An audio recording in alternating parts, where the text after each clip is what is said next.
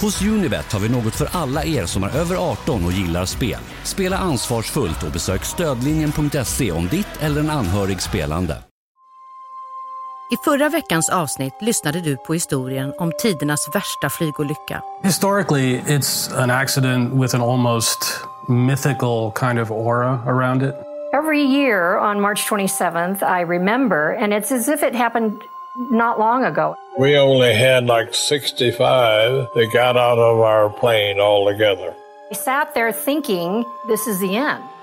Do you think about it on when you every time every time you fly? Every time you fly.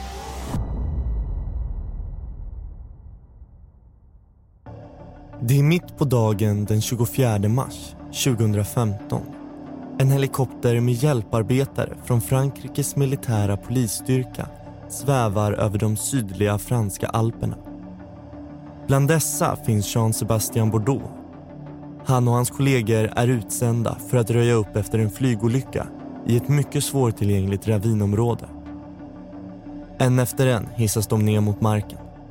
När det är Jean Sebastians tur sliter vinden i honom på vägen ner. Rotorbladens vinande ljud tjuter i öronen. Och när han ser ner för att sätta fötterna på marken landar den nästan rakt på en del av en kropp.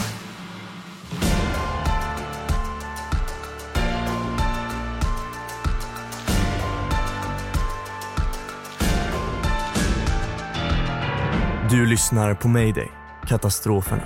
Och välkommen till den här podcasten som handlar om olyckor och naturkatastrofer.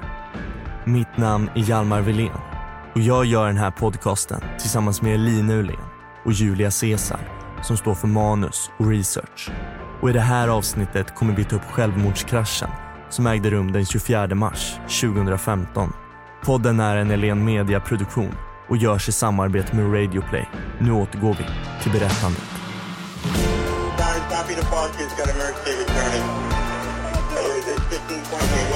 Copy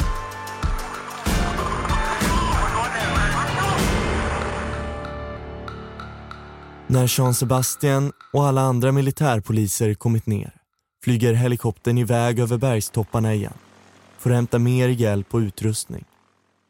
Plötsligt är det tyst. Nästan kusligt. Den enorma förödelsen rimmar illa med tystnaden. Här borde det vara larm och skrik, men istället har världen stannat. Det är en makaber syn. De blickar ut över olycksplatsen. På marken brinner det på flera ställen och vinden sliter och drar i lågorna. Rök stiger från marken och stanken från motoroljan och flygplansbränslet fyller luften. Det är nästintill outhärdligt. Ravinen är full av skräp, vrakdelar och sargade kroppar. Men ingenstans finns en levande själ att rädda. Förödelsen är total. Vart någonstans finns själva planet, undrar de. Det finns bara små bitar av metall kvar. De enda hela delarna de kan hitta är ett par fönsterluckor och en del av aktervingen. Allt annat är pulveriserat och krossat till oigenkännlighet. Det är en enorm mängd bråte. Men det som sätter skräck i Jean Sebastian är kropparna. Överallt ligger kroppsdelar utspridda på marken. Det finns inte en hel kropp, inte ens en halv. Allt har slagits till spillror mot marken. Alla är bestörta. Hur har detta inträffat? Och hur har ödeläggelsen blivit så total? Det här är historien om självmordsolyckan i Alperna. En av Europas värsta i modern tid.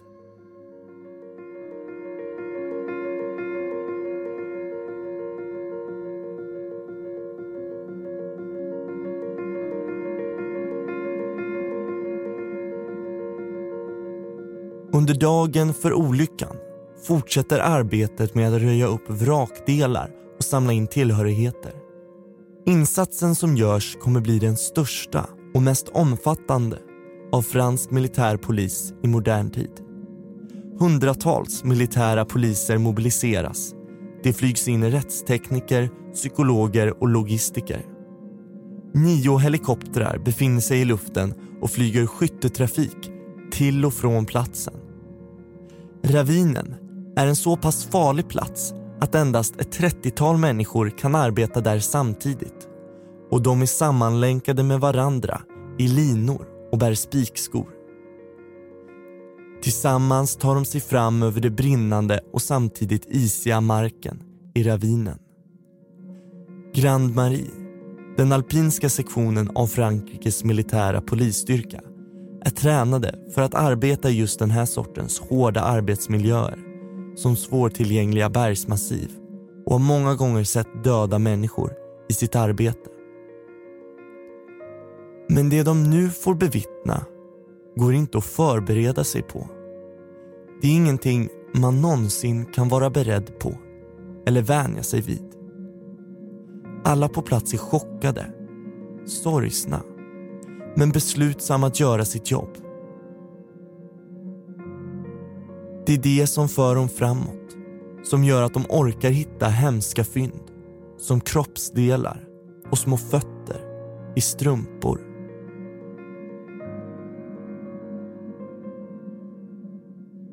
Efter en stunds arbete får Jean Sebastian och hans kollegor uppdraget att hitta de svarta lådorna som registrerar planets färddata och spelar in ljud från cockpit.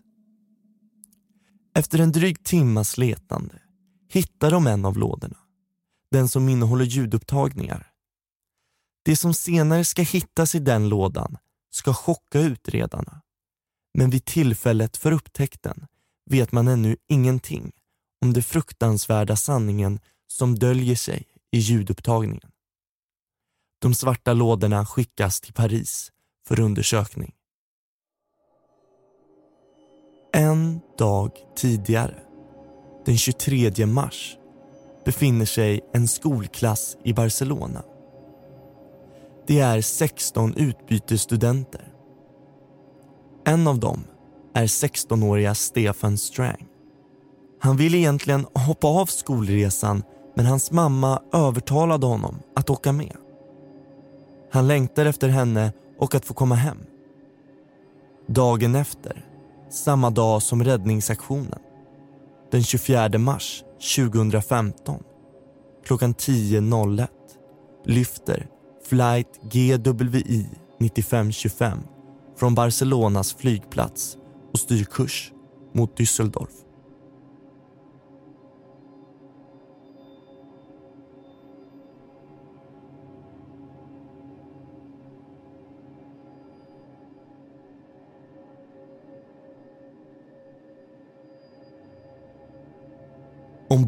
Befinner sig 150 personer, däribland Stefan Strang och 143 andra passagerare. Stefan har precis smsat sin mamma. Han skrev till henne precis innan avfärd att han saknar henne och att han längtar efter att snart få träffa henne igen. Flygledningen som följer all trafik ser hur Stefan och flight GWI 9525 flyger över Medelhavet allt verkar vara normalt och inget verkar kunna gå snett. Piloten, flygkapten Patrick Sondheimer, har hunnit göra sin yttre inspektion och allt har gått enligt rutinerna. Men klockan 10.41 tappar flygledningen kontakt med planet. De försöker få kontakt, men utan resultat. Vad är det som sker? De får information om att flygplanet kraftigt tappar i höjd och att de nu befinner sig på kritiskt låga nivåer med risk för krasch. Flygledningen försöker kontakta via nödfrekvens, men förgäves. De får inget svar. Alla svävar i ovisshet. Vad har hänt och vart befinner sig planet? Vad de inte vet är att det finns någon ombord på planet som har helt andra planer än att flyga till Düsseldorf på åtta minuter faller planet från 11 000 meters höjd till 2 000 meter utan att skicka ut någon varningssignal. När flygledningen inte får kontakt med det kraftigt sjunkande planet förklarar den franska luftfartsmyndigheten en nödsituation. Strax innan lunch skickar flygbolaget ut ett meddelande om olyckan via Twitter. Strax därefter bekräftas nyheten av den franska regeringen. Planet har kraschat.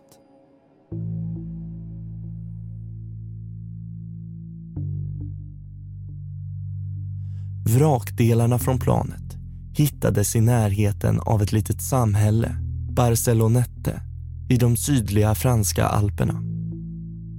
Räddningsarbetet påbörjas. Jean Sebastian och hans kollegor gör sitt yttersta. Men det känns nästan förgäves. För inga överlevare hittas. Alla ombord på planet har omkommit. Under två veckors tid söks det i närområdet efter människor. Men när ingen påträffas läggs sökningarna ner. Det verkar svårt att förstå vad som har orsakat denna fruktansvärda olycka. Men svaret upptäcks i Paris, i datan från de svarta lådorna. Oroa dig inte i onödan. Teckna Trygga Firman Företagsförsäkring hos Trygg-Hansa så får du rådgivning utifrån ditt företags behov. Just nu med 10 rabatt. lottoland.se kan du betta på några av världens största jackpottar. Med svensk spellicens och säker inloggning spelar du tryggt och säkert. Prova lyckan på Mega Millions, amerikanska Powerball, Euromillions och massor av kasinospel. Vi ses på lottoland.se för dig över 18 år.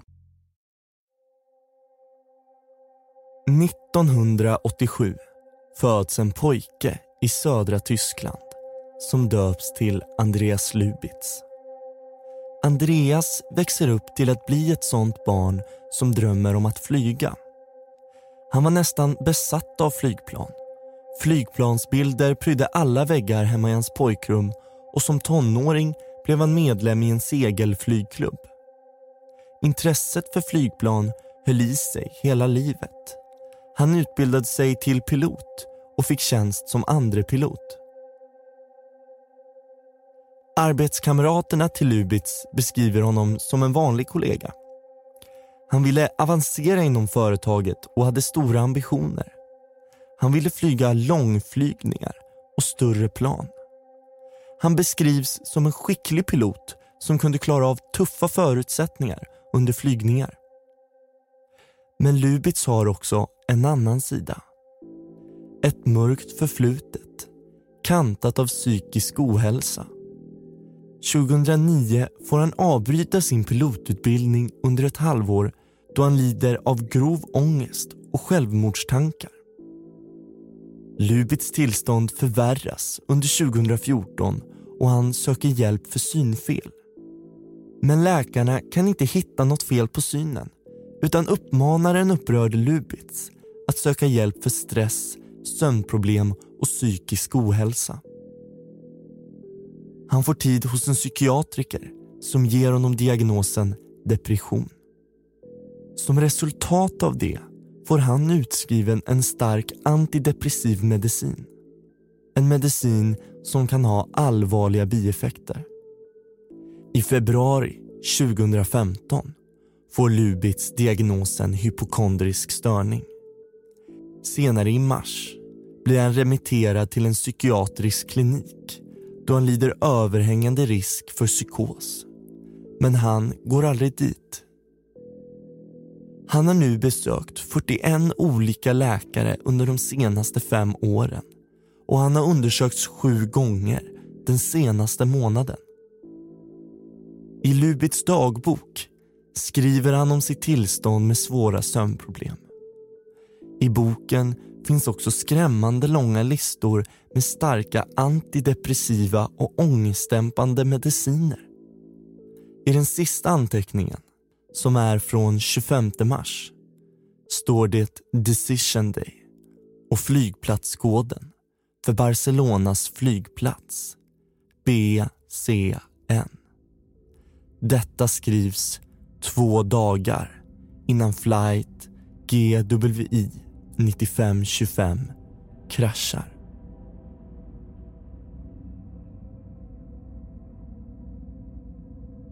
Stefan och hans kompisar och de andra 134 personerna har precis bordat flight GWI 9525. Helt ovetandes om det fruktansvärda som ska äga rum inom en snar framtid. Det är bara en person som vet. Ombord på planet sitter människor från alla världens hörn. Det är tvåbarnsmamman Carol Friday från Australien som har varit på semester med en av sina söner Greg. Norberto Arisa från Venezuela som har varit på arbetsresa. Maria del Pilar Tejad från Colombia har varit och hälsat på sin man i Spanien. Och Stefan och hans 15 klasskompisar sitter också fastspända ombord. Hans mamma har precis fått ett sms där det står att han saknar henne och att han längtar efter att snart få träffa henne.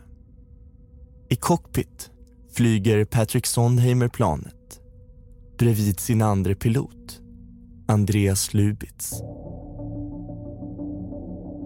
Stämningen är avslappnad. De första 20 minuterna av flygningen är konversationen piloterna emellan helt normal. De har en skämtsam och lättsam ton. Inga uppseendeväckande ord yttras. När klockan är 10.10, nio minuter efter avfärd, säger kapten Sondheimer till sin kollega att han inte hunnit besöka toaletten innan de lyfte. Andreas Lubitz svarar att han kan gå när han vill. Kaptenen avvaktar dock till Lubitz uppmanar honom igen med orden “Du kan gå, du kan gå nu”. På inspelningen hör man bältet knäppas upp, sätet som skjuts bak och dörren som öppnas. Kaptenens sista ord innan han lämnar cockpit är uppmanande och riktade till Lubitz. Du har kontrollen nu. Dörren slår igen och kvar ensam i cockpit är Lubitz. Han har under flera år haft grova sömnproblem och stark ångest. Han har diagnostiserats med depression och hypokondrisk störning. Han mår mycket dåligt psykiskt och ser inte längre någon anledning att leva. Trots det är det han som sitter bakom styrspakarna på ett plan med 144 passagerare. Alla dessa liv har han i sina händer trots att han inte är kapabel att ta ansvar för dem. För Lubitz är flygresan den sista utvägen. Framför honom på panelen, bland alla reglage och knappar, finns knappen som kontrollerar låsfunktionen till dörren in till cockpit. Denna knapp kom till efter terrorattackerna i USA 2001 som en åtgärd för att stoppa eventuella terrorister att ta sig in i cockpit. Det som var tänkt som en säkerhetsåtgärd blir nu något helt annat. För Andreas Lubitz trycker på knappen. Dörren går i lås och ska enligt konstruktion vara helt omöjlig att öppna utifrån. Han har nu full kontroll över planet utan att kunna bli störd. Det dröjer inte länge innan man hör kapten Sondheimer banka på dörren. Det är jag, skriker han. För guds skull öppna dörren. Lubitz ignorerar sin panikslagna kollega. Han är i full gång med att genomföra sin plan. Han har ställt om autopiloten och styrt in planet på en helvetesfärd. Genom att programmera planet att falla från 11 500 meters höjd till 30 meter är han i full färd med att krascha planet med vilja. Han ignorerar flygledarnas försök att ta kontakt. Det hörs larm som varnar för att planet tappar i höjd snabbt och kraftigt. Utanför hörs kaptenen slå allt hårdare på dörren. Han slår med ett hårt föremål och försöker förtvivlat få upp dörren. Ungefär vid den här tiden sprids också en oro bland passagerarna i kabinen. De inser att något är fel och paniken rör sig snabbt mellan bänkraderna. Folk reser sig upp och börjar röra sig i mittgången. Det sorlande småpratet byts ut mot gråt och skrik. Inifrån cockpit hörs planets varningssignaler. Planet flyger nu på 3900 meter. På inspelningen hörs panikartade skrik. Kaptenens förtvivlade vädjan, larmsignaler och det metalliska ljudet av slag mot dörren. Från Lubitz hörs inget annat än lugna, metodiska andetag.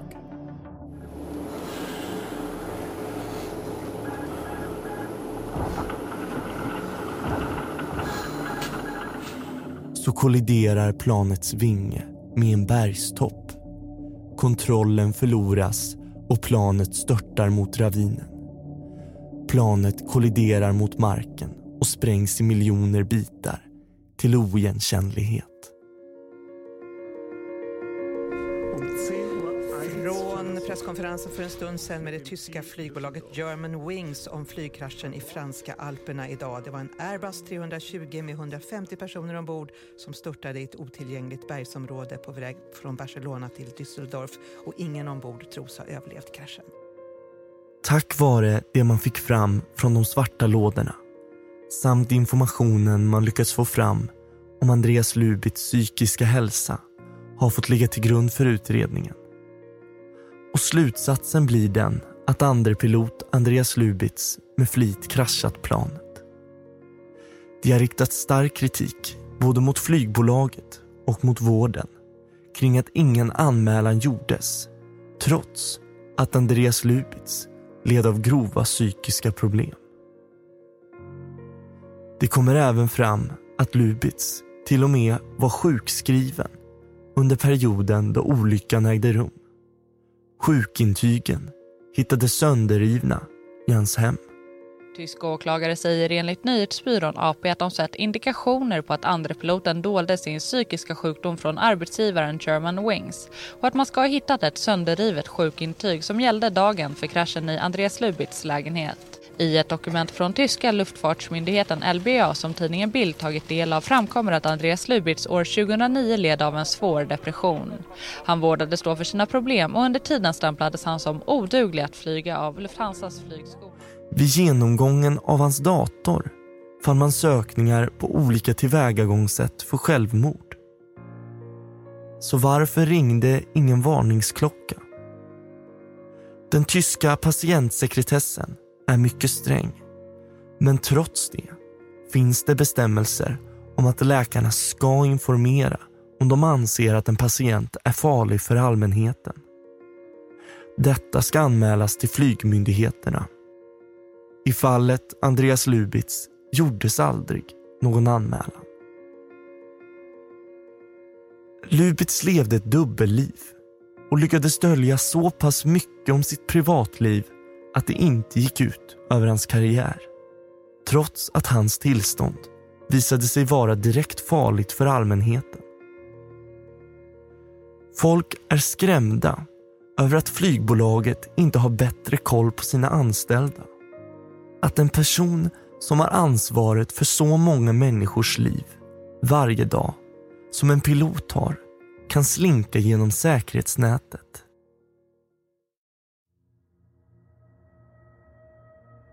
Efter olyckan skärptes reglementet kring att en pilot aldrig får vara ensam i cockpit. Detta tillämpas av flera flygbolag runt om i världen. Det har också upprättats en medicinsk databas för piloter där man säkrare ska kunna följa sina anställdas hälsa. Genom detta ska man kunna förhindra att fler tragedier av denna sort ska inträffa. Minnen av den hemska olycksplatsen kommer aldrig att lämna Jean-Sébastien Bordeaux och de andra hjälparbetarna. Minnet av att ha hittat en liten fot i en strumpa, brända skolböcker och trasiga leksakskaniner kommer alltid att plåga dem. För dem kommer det alltid vara inpräntade på näthinnan. 72 tyskar och 51 spanjorer omkom. Danmark, Colombia, Iran, Venezuela, Israel, Australien, Japan, USA, Storbritannien och Nederländerna förlorade också landsmän. Stefan fick aldrig träffa sin mamma igen. Och hon fick aldrig träffa sin son. Norberto Arisa återvänder aldrig från sin arbetsresa och 16 par föräldrar får aldrig återse sina barn. Så många människor var ombord detta plan, alla av olika anledningar. De föll offer för denna vansinnesfärd med dödlig utgång och för deras anhöriga blev livet aldrig sig likt igen.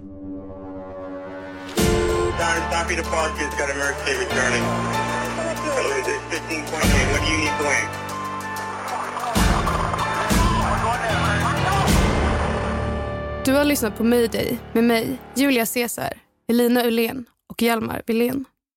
Varje dag går människor i vår värld till jobbet med symptom på depression och i många fall även suicidtankar.